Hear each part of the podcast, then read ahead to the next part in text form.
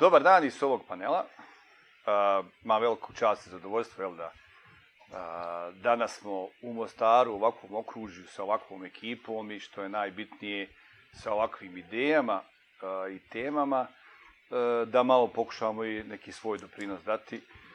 Uh, moja malenkost Emir Vajzović, uh, Fakultet političkih nauka uh, i rukovodlac Instituta društvenog istraživanja Fakulteta političkih nauka. Sa moje lijeve strane je veliko zadovoljstvo kolegica Emina Adilović uh, sa diplomom master studija bibliotekarstva i komparativne književnosti, informacijska stručnjakinja i uh, multitalentovani multiinstrumentalistkinja. Jel? Uh, osoba sa puno uh, znanja, vještina i htjenja, što je neminovno jel, za istraživački posao koji e, se kolekcija e, bavi kao saradnica istraživača u institutu za istraživanja. E i sa moje desne strane, e, profesor dr. Mario Hibert, Filozofski fakultet univerziteta u Sarajevu, katedra za informacijske nauke, u svom pristupu fenomenima iz oblasti društvenih nauka i humanistike. Po najbliže bi se moglo reći da se bavi a, kritičkim bibliotekarstvom, a, a, digitalnom pedagogijom i mnogim drugim fenomenima za koje još nisu uspostavljeni terminosistemi, a radi se na tome. E, prethodni e, panel su dali toliko uvoda da je meni kao moderatoru značajno otežan posao. Um, teme poput reforme obrazovanja, uh, budućnosti, uh, školovanja, uh, kako ćemo mi poslije ove e, prisilne digitalizacije uzrokovane COVID-19 pandemijom uh, ponovo se vratiti od septembra u škole, E, da li imamo neko novo normalno i šta to a, jeste, su neke teme koje sigurno možemo još dugo vremena a, a, stavljati na dnevni red i, i vjerovatno ostati bez nekog konačnog odgovora. Naša tema je otvoreno, otvorena istraživačka učionca sa nekom jeli, kromnim konceptom, temom e, medijske informacijske pismenosti, koju mi e, kroz naučno-istraživački rad intenzivno e, zadnjih godina pokušavamo demistificirati, staviti u, u primjenjiv bosansko-hercegovački e, kontekst u trenutnom okruženju na izvodljiv i održiv način. Ovaj, pritom je razvijajući jedan strateški e, pristup koji treba da poluči konkretne rezultate koji će moći biti od e, koristi e, svima u procesu obrazovanja, prije svega, jeli, e, u najboljem interesu djeteta njegovog razvoja i obrazovanja, roditelja, učenika, zapravo nastavnika, e, bibliotekara, jeli, vidjet ćemo jeli, da a, neki fokus je na, na njima e, gotovo pa zaboravljenim elementima obrazovnog sistema. I na kraju e, ono što je najvažnije kako, e, kako društvo mi želimo sa svim tim zahvatima koje pokušavamo vidjeti i istražiti. E, krenuo bih možda sa, sa e, razumijevanjem e, šta je to medijska informacijska pismenost. E, taj koncept smo e, puno puta čuli u različitim e, e, interpretacijama, uglavnom e, sa aspekta ovih koji e, više gledaju sa, sa, sa gledišta jeli, medijskog okruženja, pa će to biti medijska pismenost. Sa od druge strane, pretežito jeli, a, bibliotekarski a, milje koji će to a, više zagovarati kroz informacijsku pismenost. I ono što smo mi a, a, uzeli kao koncept na kojim nadograđujemo je E, taj integralni koncept medijske informacijske pismenosti prije svega zasnova na, na razvoju koji UNESCO zadnjih decenija ovaj, intenzivno radi. E, Mario, šta bi to bila medijska informacijska pismenost? Pa dobro, taj, taj pojam ili ta sintagma toliko je prisutna u, u, u zajednici da, je, da se čini da je ona gotovo samo razumljiva. Danas se dosta često spominjala još jedna sintagma, to je digitalna pismenost, digitalna kompetencija. I mislim da možda bi smo mogli krenuti od tog pojma, obzirom da se očekuje da i nastavnik, i student, i roditelj, zapravo čitavo društvo na neki način dijeli tu e, e, kompetenciju. U stvari radi se o stanju izloženosti promijenjenom informacijsko-medijskom okruženju i tu se čini mi se E, vraćamo na bitnost e, e, pojma informacijska i medijska pismenost, obzirom da digitalna pismenost redukuje vještinu upotrebe korištenja digitalnih alata kao rješenja za gotovo sve društvene probleme.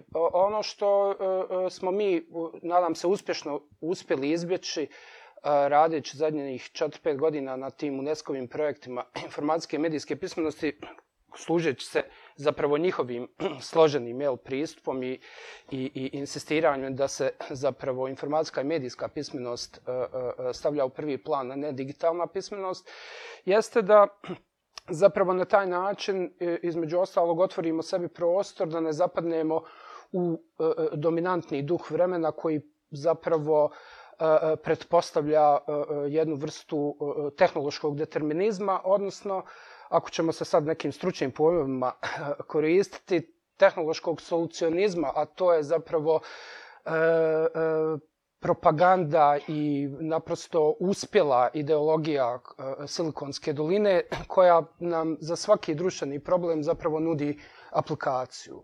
Nudi zapravo e, instant rješenje koje zapravo e, e, stoji na mjestu E, e, i kritičkog mišljenja i e, potencijalnih društveno-političkih, ekonomskih promjena koje zapravo obilježavaju i niz onih problema koje danas pokušavamo staviti u kontekst. Tako da zapravo informacijska i medijska pismenost zapravo nas, ja barem tako želim da vidim, tjeraju da promišljamo i medije i, i, i informacije u kontekstu, dakle iz onoga medijsko ekološkog, da tako kažem, pristupa, odnosno da razumijevamo naše probleme razumijevajući promjene u okruženju. To okruženje se definitivno do te mjere promijenilo da zapravo, kako Emir voli reći, digitalna transformacija koja je zapravo došla sa pandemijom i na neki način prisilno nas stavila u poziciju da promišljamo eh, i da se nosimo sa ovakvim eh, eh, izazovima i zadaćama, zapravo nas je suočila sa činjenicom da se mi nismo ozbiljno kao društvo, a onda i kao škole, pozabavili problematikom digitalnog učenja, koja je zapravo najmanje pa 20-25 godina prisutna, odnosno možemo reći onog trenutka kada je internet postao javan, a mi smo tada još uvijek ratovali ovdje, jel,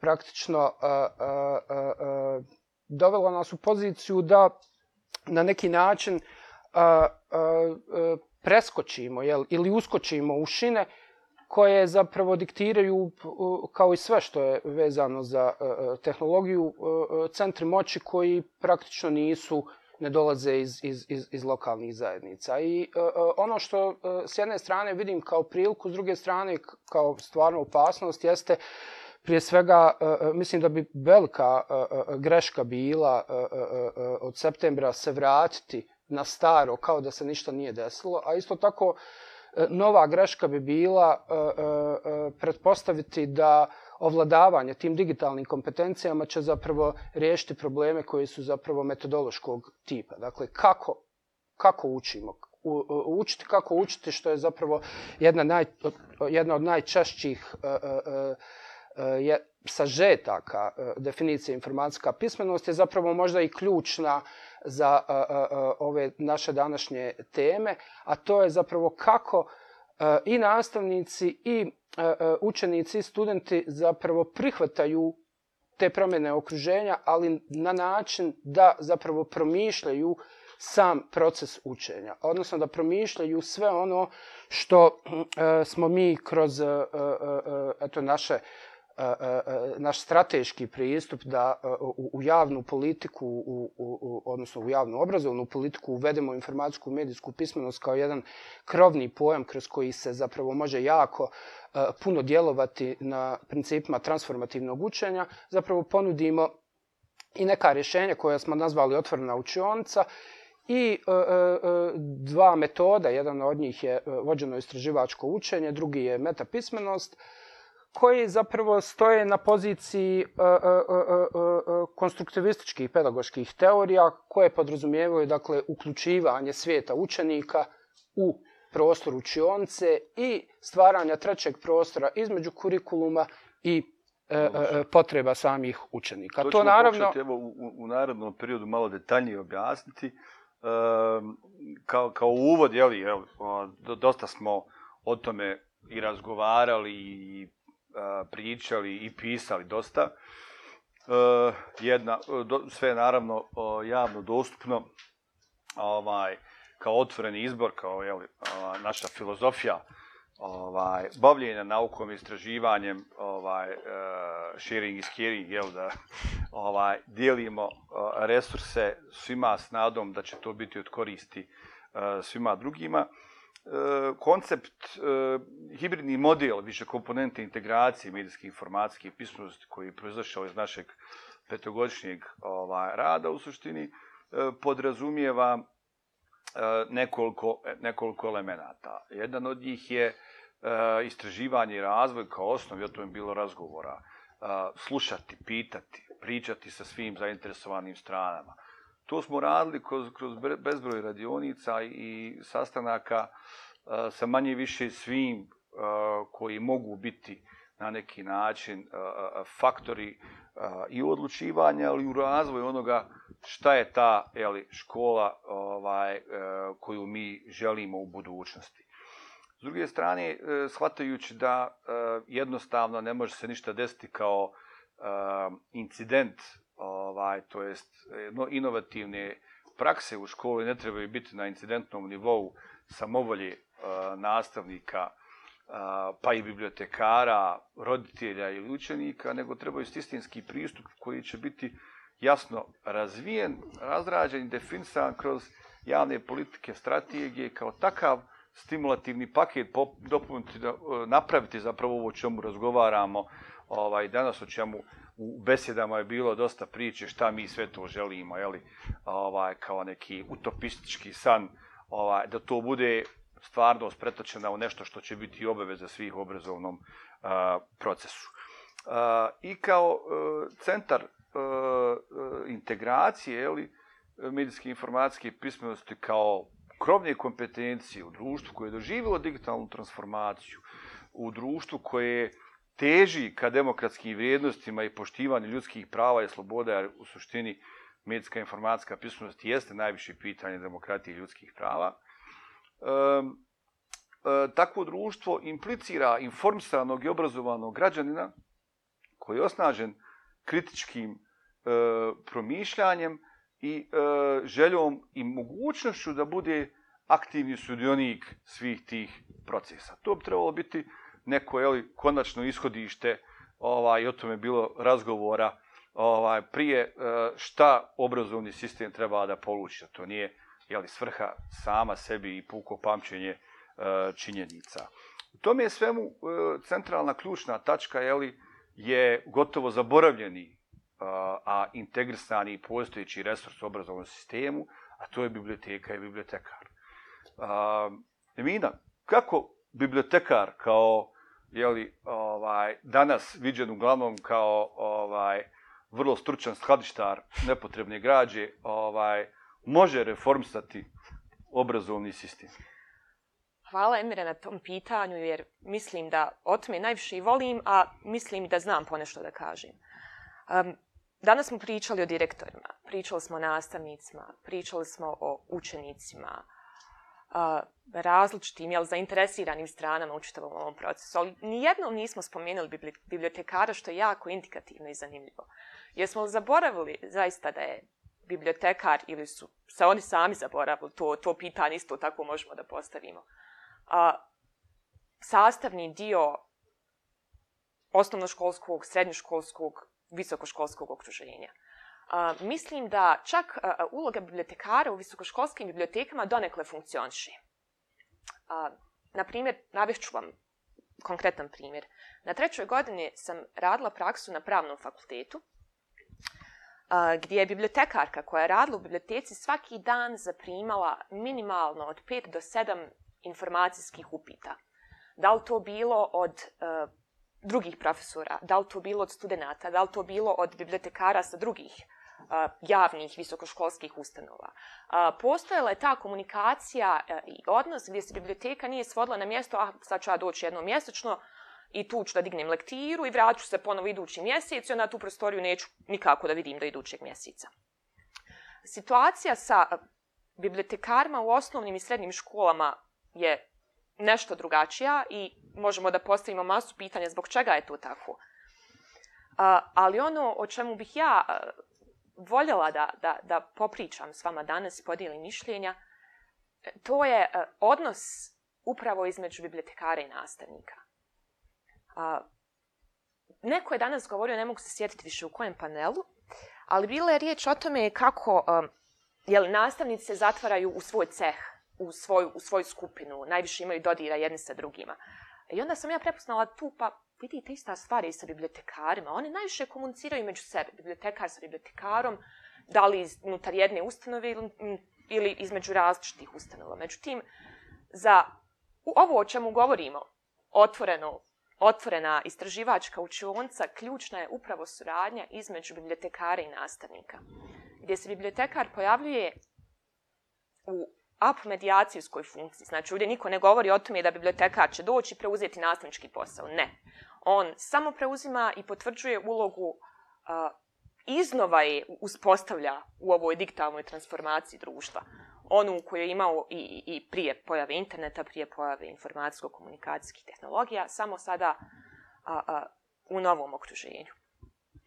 Uh, sjajno uveden termin o kojem ćemo sigurno malo kasnije razgovarati, ta pomedijacija, jel, koja se ne dešava samo u, u bibliotečkom ovaj, pozivu, nego kao jedan društveni fenomen gdje u suštini, e, kako smo analizirali, jeli, e, iz, iz analognog doba i prethodnih sistema, e, generalno viđenje sistemskih filtera, gatekeepera kao ključne uloge koji nam nekako us, e, određuju šta ćemo mi raditi u kojim sferama života sa digitalnom transformacijom društva ti e, e, e jeli, državni sistemski gatekeeperi, to jest ovaj, e, sistemski filteri, gube moć. Zato što je e, jednostavno e, čitavo društveno okruženje se seli u to informacijsko, medijsko i platformsko jeli, novo okruženje koje ima svoje zakonitosti i prevazilazi te čuvare kapija, jeli, koji su prijetno bili apsolutni suvereni autoriteti. Tako isto sa školom, obrazovnim sistemom, nastavnikom, e, u radionicama koje smo radili, barem se sjetiti, ovaj, dosta je razgovora bilo upravo s nastavnicima o tome ko ima veći primat jeli, u obrazovanju i pedagoškom razvoju djeteta, da li je nastavnik ili roditelj. I uvijek su to te, jeli, nikad ovaj, zastarjele svađe uh, šta je stariji ja, koka ili ja, jel, pa će ovaj reći, ovaj, ja sam ti poslao dijete u školu da se vi bavite njime, ovi škole će reći, pa mi smo samo tu, ono, pomalo, jel, on je vaše dijete, kod kuće je više, i dok se jedni drugi prepiru oko toga što dijete radi, pa dijete na internetu.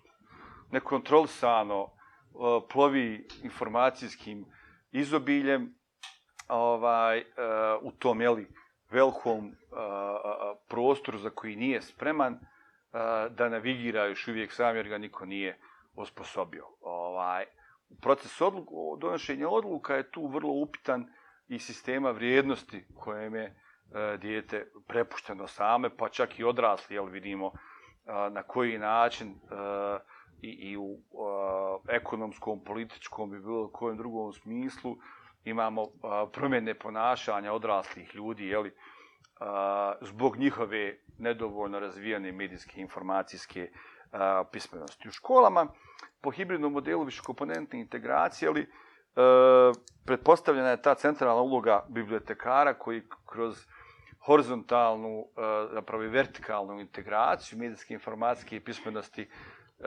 ta vertikalna je visoko obrazovanje na niže i s druge strane povratna informacija čitavog uvezanog sistema. Horizontalno upravo u tom međuprofesionalnoj saradnji bibliotekara, nastavnika, pa čak naravno ovaj, i, i roditelja u ovom zadnjem vremenu je vidjeno, vidjeno kao, kao neminovnost. E, znači, e, da razjasnimo, ne zagovaramo i u startu smo odustali od ideje da medijska informacijska pismenost može i treba biti zaseban predmet, jer to nije nešto što se može činjenično naučiti, nego je to a, proces koji, koji traje, a, proces je cjeloživotnog učenja, nešto čemu a, treba kroz, kroz kurikularno raditi sa ovaj novim generacijama, zapravo sa svim generacijama kao ovaj e, cjeloživotno učenje. Ono što smo pored toga stavili kao neminovni elementi hibridnog modela su dinamički digitalni objekti učenja, je li? Čisto nova realnost koja koja treba biti kao takva prepoznata. Meni je najbolji primjer ovaj e, legendarni udžbenik informatike iz 2008. godine kao trenutno važići u pojedinim područjima koji može služiti možda kao, kao istorijska građa sada, ona, ali svakako je nešto iz čega će se ovaj, školovati e, novije generacije u 2021. godini. I u suštini šta god da se napiše danas, vrlo vjerovatno je već sutra dan zastarjelo. E, novi, novi pristup obrazovnim sadržajima upravo treba biti na sljedećem elementu obrazovnim, otvorenim obrazovnim resursima kao takvim a, i postavljen koji će biti mogući a, da se a, kontinuirano žuriraju od zajednice i nastavnika, ali i zajednice i bibliotekara i kao rezultati ishoda učenja budu podijeljeni e, sa svima. I ono što je centralna tačka je u suštini taj novi e, metodološki pristup, e, kombinacija, ili, kako je Mario već naveo, vođenog istraživačkog učenja u suštini metapismenosti. Pa Mario, daj nam malo ovaj, kako bi ta otvorena učionca e, trebalo e, utilitaristički da izgleda, jeli, sutra jednog dana kad se krene na bolje. Pa dobro, prije nego što onaj, to pokušam pojasniti, e, rekao bih, a to sam Nedimu spomenuo onaj, oko ručka, nekako mi ovaj panel previše izgleda zatvoren unutar onoga o čemu mi e, zapravo e, e, već godinama promišljamo i djelujemo. Tačno mi fali još ono dva sugovornika da, da, da, da se kontrapunkt uspostavimo u odnosu na ovo što govorimo. Ali mislim da ja bih počeo od onoga što je profesor Čurak pokušao na neki način u, u, u prošloj sesiji zaključiti, a to je da imamo krizu znanja o prenošenju znanja a, a, biblioteka je zapravo upravo idealno mjesto odakle se može početi sa eksperimentiranjem i uvođenjem i oprobavanjem a, a, kako zapravo bi mogli da izgledaju oblici i prakse a, a, a, nove pismenosti. I e, biblioteka zapravo, ja ću uzeti evo primjer školske biblioteke. E, e, uloga školske biblioteke je da bude podrška procesima učenja. Ne da dijeli, daje lektiru, dakle, to nije njena, mislim, to što smo mi redukovali i svoju predođbu i bibliotekari svoju struku na praksu, koja je zapravo do te mjere E, e, onda posljedično marginalizirana, niz je problema zašto je to tako i ne bih ulazio sad u njih. Međutim, ako shvatimo i zašto je zapravo informacijska i medijska pismenost ovdje ključna riječ za bibliotekare, zato što to nije nešto što, sad Emir spominje hibridni model više komponentne integracije, e, kao nešto što smo mi strateški osmislili upravo na način da taj ugnježdeni, a postojeći sistemski resurs, koji je potpuno zaboravljen i zapušten, iskoristimo na način da on doslovno bude potencijalno mjesto hajde ja ću tako to staviti, diverzije ili subverzije. Zato što biblioteka nema kurikulum. Bibliotekar je kurikulum. Bibliotekar koji zapravo e, e, razumijeva informacijsko-komunikacijsko okruženje i zapravo e, svoj identitet gleda upravo kao poziciju neke slabe, hajde da tako kažem, institucionalizirane moći da bude u funkciji znanja o prenošenju znanja, zapravo može da integrira niz različitih, barem ja tako vidim i na taj način želim da zapravo vidim ulogu i mjesto biblioteke u sistemu, mnoge stvari koje su zapravo, koje se tiču hajde da tako kažem, jezika novi, novih medija. Galeb je spominjao, ne znam, ili još uvijek tu, dakle, spominjali smo njegov podcast, dakle, zašto biblioteka ne bi imala svoj podcast? Zašto bibliotekar ne bi zapravo bio ono što Namir i, i, i, i, i Nedim rade? pa sa nastavnicima zapravo neprestano vodio kontinuirane dijaloge o problemima, šta ćemo od septembra, kakva je bila nastava, dovodio učenike, e, e, omogućavao učenicima da oni zapravo bloguju, šeruju, aktivno sudjeluju u životu škole. Dakle, ja vidim biblioteku zapravo kao platformu. U tom smislu dolazimo do nečega čime se ja zapravo pokušavam najintenzivnije baviti zadnjih 10-15 godina, to, je, to su zajednička dobra. Dakle, pojam commonsa, pojam digitalnih zajedničkih dobara, dakle, nečega što podrazumijeva resurs, zajednicu i pravila upravljanja koja definira sama zajednica. Danas je dosta spominjala autonomija, pa čak i anarhija i tako dalje, ili ta strah ili bježanje od slobode kada zapravo ponudite nekome mogućnost da djeluje drugačije nego što to zapravo sistem ili okruženje očekuju. I mislim da zapravo E e e, e, e, e, pošto se ovdje spomenulo da se bavim kritičkim bibliotekarstvom, da, ja, ja sam doktorirao na toj čudnoj sintagmi kritičkog bibliotekarstva, vjerovali ili ne, to zaista postoji, nisam ja otkrio toplu vodu. Postoji, međutim, u tradiciji američkog bibliotekarstva, gdje su 60. i 70. godina iz kontrakulturalnih pokreta, i konkretno u San Francisku, žene, feministice, bibliotekarke, zapravo osluškivale potrebe svoje korisničke zajednice. I onog trenutka kada su kontrakulturalni pokreti zapravo tražili tražili neko mjesto reprezentacije u javnom prostoru, u javnom instituciju, onda su se zapitale šta mi kao profesija možemo i trebamo da radimo za svoje korisnike. 60. i 70. naravno nije bilo interneta, osnovna stvar je osigurati pristup građe, osigurati pristup resursima. Dakle, literaturi koju korisničke zajednice, marginalizirane korisničke zajednice trebaju. Onog trenutka kada su one aktivno počele promišljati svoju profesionalnu ulogu, došlo je do radikalizacije. Jel, iz te radikalizacije se kasnije pojavio pojam kritičkog bibliotekarstva. Šta zapravo hoću reći?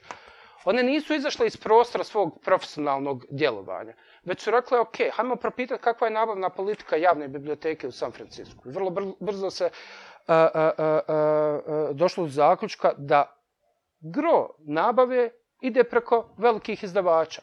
Što znači da i mainstream literatura završava u gradskoj biblioteci. Onda su one rekle, ok, što mi možemo kao profesionalke uraditi? Popisati, dakle, napraviti registar malih izdavača u Sjedinim američkim državama i onda natjerati sistem da otkupljuje i dio građe od njih. Na taj način pomažemo i marginaliziranim skupinama, radimo svoj posao i tako dalje i tako dalje. Sad, dakle, otvorenost jeste zapravo radikalno prije svega otvaranje imaginariju mogućnosti šta mi kao profesionalci, pa tako i nastavnici, bibliotekari, a onda i škola, zapravo kako želimo ili kako možemo da vidimo a, a, a, u budućnosti. A sada odgovorim i na ovo pitanje oko vođenog istraživačkog učenja. Vođeno istraživačko učenje se nije pojavilo ovdje kao sada neka a, a, a, famozna izmišljena opet a, a, fraza, već se radi o a, zapravo metodologiji koje su razvijali zadnjih 10 do 15 godina a, a, a, autorice koje upravo insistiraju na učenju sadržaja istraživanja. Dakle, a, a, a, gdje a, u partnerstvu nastavnik i bibliotekar, i zato smo mi zapravo na neki način preuzeli ili htjeli preuzeti taj model kao i da bismo dali konkretan primjer kako zamišljamo informacijsku i medijsku pismenost u budućnosti, upravo zbog toga što insistiraju na partnerskim odnosima, dakle međuprofesionalnoj suradnji, podrazumijevaju zapravo konstruktivizam u učionci, dakle prepuštanje i e, e, slobode učenicima da iz svog svijeta, sad neću detaljsati tih osam koraka kako izgledaju, to možete pogledati u ovim e, e, e, našim publikacijama. Međutim, ono što je najvažnije jeste zapravo postaviti pitanje koliko su i nastavnici spremni da dio svoje odgovornosti i autonomije ili navika mijenjaju, odnosno a, a, a, budu i sami spremni da prihvate jedan model koji kao ishod učenja ima informacijsku kompetenciju. Dakle, informacijska i medijska pismenost je nama ovde krovni pojam od kojeg smo krenuli da bismo zapravo pokušali naći one tačke u sistemu ili što bi se reklo, e, e, e, ja to volim često onaj, tako postaviti, jel, dijelovi hakerske etike integrirali u profesiju. Šta zapravo hakeri rade? Rade jel, sa kodom. Međutim, to je puno šira oblast djelovanja od samog kodiranja, međutim, substancijalno govoreći, traže tačke, slabe tačke, slaba mjesta u sistemu. Ne da bi profitirali ili se bavili nužno kriminalnim radnjama, već da bi uspostavljajući, odnosno primjećujući slabu tačku u sistemu, radili nešto za opće dobro ili zajedničko dobro. I to je velika razlika zapravo u, u, u načinu, jel, da tako kažem, poimanja, u samoj filozofiji djelovanja i to ona se čini radikalna. Međutim, iz takve suradnje, iz takve komunikacije, iz takvog angažmana zapravo proiz, proističe nešto što je zajedničko dobro. Kogod zna ili prati što je slobodni i otvoreni softver, jel, zapravo zna iz kojih zajednica je došla konkretna praksa rada sa kodom u zajednicama onih koji dobrovoljno participiraju. Tu nema prisile, jel? i rade zapravo razmjenjujući znanje. U, u, u knjizi Peke Himanena, objavljene prije možda skoro sad 20 godina se jasno čak i povlači poveznica između akademske etike, dakle znanstvene komunikacije i njene radikalne otvorenosti onako kako bi trebala da bude i hakerske etike. Tako da se ja ne bi libio čak što više koristiti ovu poziciju u kojoj danas jesmo, da zapravo sa vrlo čak i čudnim, nezgodnim, neprimjerenim, pa hajde da kažem politički nekorektnim pojmama ulazimo u prostor, prostor obrazovanja. Ona, sjeti se, e, imali smo neki dan, e, prije nekako dana, priliku, jeli, e, promocije jedne od naših knjiga iz edicije Medijska informacijska pismenost, um, dizajn učenja digitalnog doba gdje je razrađen i, i e, kurikulum obuke medijske informacijske i pismenosti sa kolegama sa univerziteta u, u Zadru, gdje izlažući jeli, čitav naš pristup i koncept, u suštini e, smo shvatili da, da je to e, koncept akademskog aktivizma, jeli, pa ova, gdje pokušavamo e, sinergijom konstruktivnih snaga di, diverzantski djelovati u sistemu, vezujući akademsku zajednicu sa stručnjacima, praksom, ljudima na terenu, u školama i e, bliskom suradnjom sa donosiocima odluka na promjeni politika, strategija, da bi zaista e, ovi modeli i, i sve ne bi ostalo samo jel, jedno teoretsko mrtvo slovo na papiru, nego zaista da bi to moglo biti pretočeno u praksu za neko uh, opšte, opšte dobro. E, Emina, uh, bilo je već govora o pojmovima egalitarnosti, jeli, uh, e, ljudska prava generalno se zasnivaju na konceptima uh, jednakosti, nediskriminacije a, i, i ono što, što ne mogu da, da a i govorili smo o novim generacijama, jeli. Uh, analizirajući nekako e, dinamiku razvoja onoga što mi zovemo nove generacije, pa smo počeli dodavati tome, jeli, i zvučna instagramična imena generacija Millennium uh, XYZ, XYZ i Alfa kao zadnja. Ovaj primjećujemo trend da sve su kraći intervali razvoja nečega što mi zovemo nova generacija, koja ima svoje kulturološke, socijalne specifičnosti, ali i navike e, učenja, to jest dolaska do informacija i znanja za koje oni smatruju da su im bitni, druge načine socijalizacije, druge načine zabavljanja. E, ta enigma je li, sa, sa alfa generacijom koja je sad je nekako krenula u školu, šta će oni nama donijeti? Uh-huh. Uh -huh. e, iskreno slušajući dosadašnje jel, razgovore, ja sam vrlo onako skeptičan da će škola kao koncept ovakav preživjeti alfa generaciju. Jel?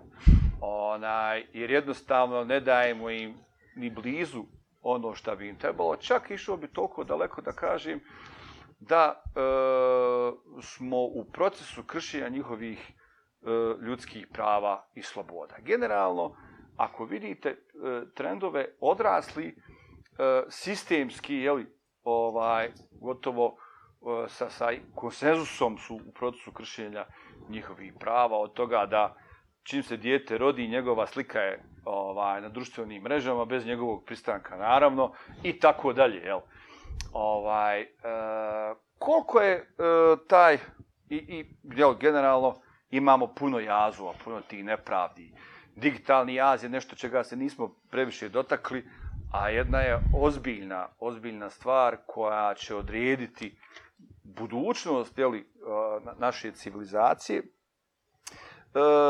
kako mi možemo očekivati, e, to jest na koji način e, e, novijim generacijama jeli, i onima koji dolaze, približiti taj proces učenja, podučavanja, pa i, i, i postizanja toga da oni budu taj ideal informisanog, obrazovanog, kritički osposobljenog i aktivnog građana?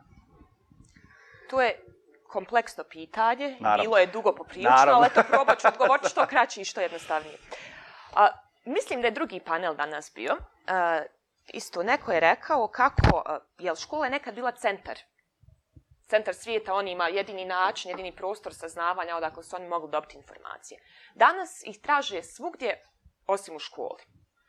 A, I postavlja se pitanje, onda više nije, nije pitanje borbe između škole i tog vanjskog svijeta, nego na koji način iskoristiti školu da bi se a, taj vanjski svijet iz kojeg oni dobivaju informacije različitih medija, sada internet najviše, a, kako im e, približiti taj svijet za kojeg oni tvrde da, da njime vladaju i da ga apsolutno poznaju.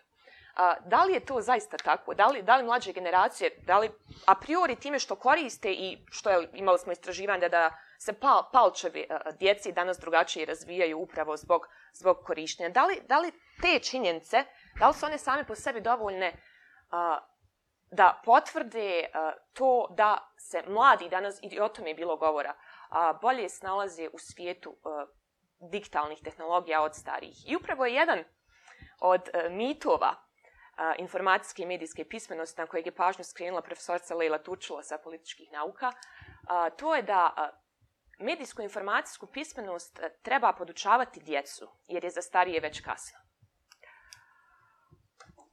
To sad, Mada da, mi da, zagovaramo proces životnog učenja. da, ali da, da. Ali ovo je teže jedan ide. mit. Da, ovo je jedan mit koji postoji kao takav i jako ga je teško srušiti. A, kao studentica sam bila u nekoliko puta u, u, u situacijama gdje a, profesor, pogotovo sada dok je trajala ova online nastava, i upravo na pedagoškom obrazovanju nastavnika, a, iznosili su stavove tipa, ne znam, dođe profesorca koja je starija i ne ide joj baš tako dobro sa tehnologijom, ona kaže, jao, pa ovdje je toliko puno vas mladih, može li men, men neko tu umjesto mene uraditi? I zaista nije problem, mi priznajemo, možda smo vični, a, tehnološki, lakše se, snalaži, lakše se snalazimo zbog jezika, zbog samog načina, navikli smo jednostavno kako, kako to funkcioniše. I nije problem, pokazat ćemo, pomoćemo svaki put. Uh, ali je e, stvar upravo time što isključujemo i teži, težište stavljamo samo na mlađu generaciju, dok zanemarujemo ovu stariju, koja su često nastavnici koji samim time podučavaju uh, tu djecu. Uh, ako, ali i oni koji donose odluke u društvu. ali i oni koji donose odluku u društvu, ali, ovaj, ali sada govorim isključivo o nastavnicima. Uh, također, neko je rekao danas u jednom trenutku da a, nastavnici a, trebaju, parafrazirač, kao trebaju da se približe a, onom svijetu u kojem se kreću njihovi učenici, da probaju da ga razumiju. I ja mislim da je upravo to razlog zbog kojeg ne bi trebalo bježati od edukacije medijske informacijske pismenosti a, starijih nastavnika, Da. jer kako onda da oni uopšte promišljaju o podučavanju učenika u nečemu, u nekom svijetu u kojem se oni sami ne snalazi. A, često se sjetim i to, taj primjer često navodim a, iz knjige a, Davida Lankesa Atlas novog bibliotekarstva, a, gdje je on naveo primjer a, bibliotekara u Sjedinjenim američkim državama u, u, u visokoškolskoj biblioteci, gdje je bibliotekar iznio a, 3D printer koji je nije, nije bio ni raspakovan, tek je trebao da ga sastavi. A, i, iz, I nije ga odnio u skladište, nije ga odnio negdje mimo pogleda svih, nego ga je donio na sred biblioteke, sred prostora biblioteke. Ali zašto? A, upravo da bi oni koji su ili slučajni prolaznici ili su taj dan došli rad nekog drugog razloga, mogli da se s njim zajednički uključe u proces sastavljanja tog a, printera. Možda je banalan primjer, ali upravo pokazuje a, tu, tu, tu suradnju. A sada sam malo odlutala da se vratim na to početno pitanje. A, kako a, podučavati a, mlade medijskoj i informacijskoj pismenosti? Za početak upravo razbiti taj mit uh, da mladi poznaju tehnologiju i da se onda samim time nema više potrebe ni za kakvim podučavanjem, ni za kakvim dodatnim kompetencijama, jer oni su tobože rođeni sa, sa, sa poznavanjem uh, informacijsko-komunikacijskih tehnologija. Uh, upravo zbog toga, zbog čvrstog uvjerenja da, da oni to poznaju, dolazimo do, do zablude i zamke u koju često upadamo da li oni zaista uh, znaju uh, kritički koristiti, da li znaju uh, da procijene, opet ponovo svodim na najbanalniji primjer da biste mogli razumijeti, da li oni zaista mogu da procijene kritički uh, vijest koju pročitaju? Da li znaju da, je, da, je, da, da li znaju da je analiziraju? Ono što je, što, što je sigurno, eli, ona, da uh, s vremenom eli, velike tehnološke kompanije unapređuju uh, hardware, software, da bude uh, intuitivniji, da bude sve lakši za, za korištenje i onda tu su ono principi, kad vidimo onaj, da beba sasvim logično nakon ono dva pogleda zna scrollat po ekranu, ono prstom sasvim prirodno i tako dalje. E, svakako e, je, je i, i u obrazovanju e, izazov vidjeti kako će e, naredni tehnološki napredak i kakav će razvoj velikih tehnoloških kompanija imati na, na proces obrazovanja. Uh, Mario, koliko misliš da uh, je uh, nastavak jeli, uh, društveno-tehnološkog napretka, uh, hajmo reći, naklon um, tradicionalnoj školi uh, kakvu danas poznajemo? Pa mislim, ja bih to ovako rekao. E, e, nerijetko smo o tome razgovarali. E, neki, e, e, po mom mišljenju, vrsni teoretičari to pokušavaju sažeti na sljedeći način. Ono što se događa u digitalnoj sferi je zapravo na neki način dovelo do sloma društvenog ugovora. Jel? Društveni ugovor između građanina i države gotovo da je pao u drugi plan. Danas se razgovara o novom društvenom ugovoru, a on podrazumijeva korisnike interneta, odnosno korisnike platformi i vlasnika, dakle korporacija, dakle pet velikih tehnoloških giganata zapravo čini naše informacijsko komunikacijsko okruženje. Uh, uh, ono prvo pitanje šta je medijska pismenost? Klasičan pristup definiciji medijskoj pismenosti je dekonstrukcija medijskih sadržaja. Mi ne idemo ka tom, uh, uh, uh, da tako kažem, komunikološkom novinarskom aspektu razumijevanja medija. Ako hoćete, uh, uh, Lev Manović kaže there is no such a thing as digital media, there is only software.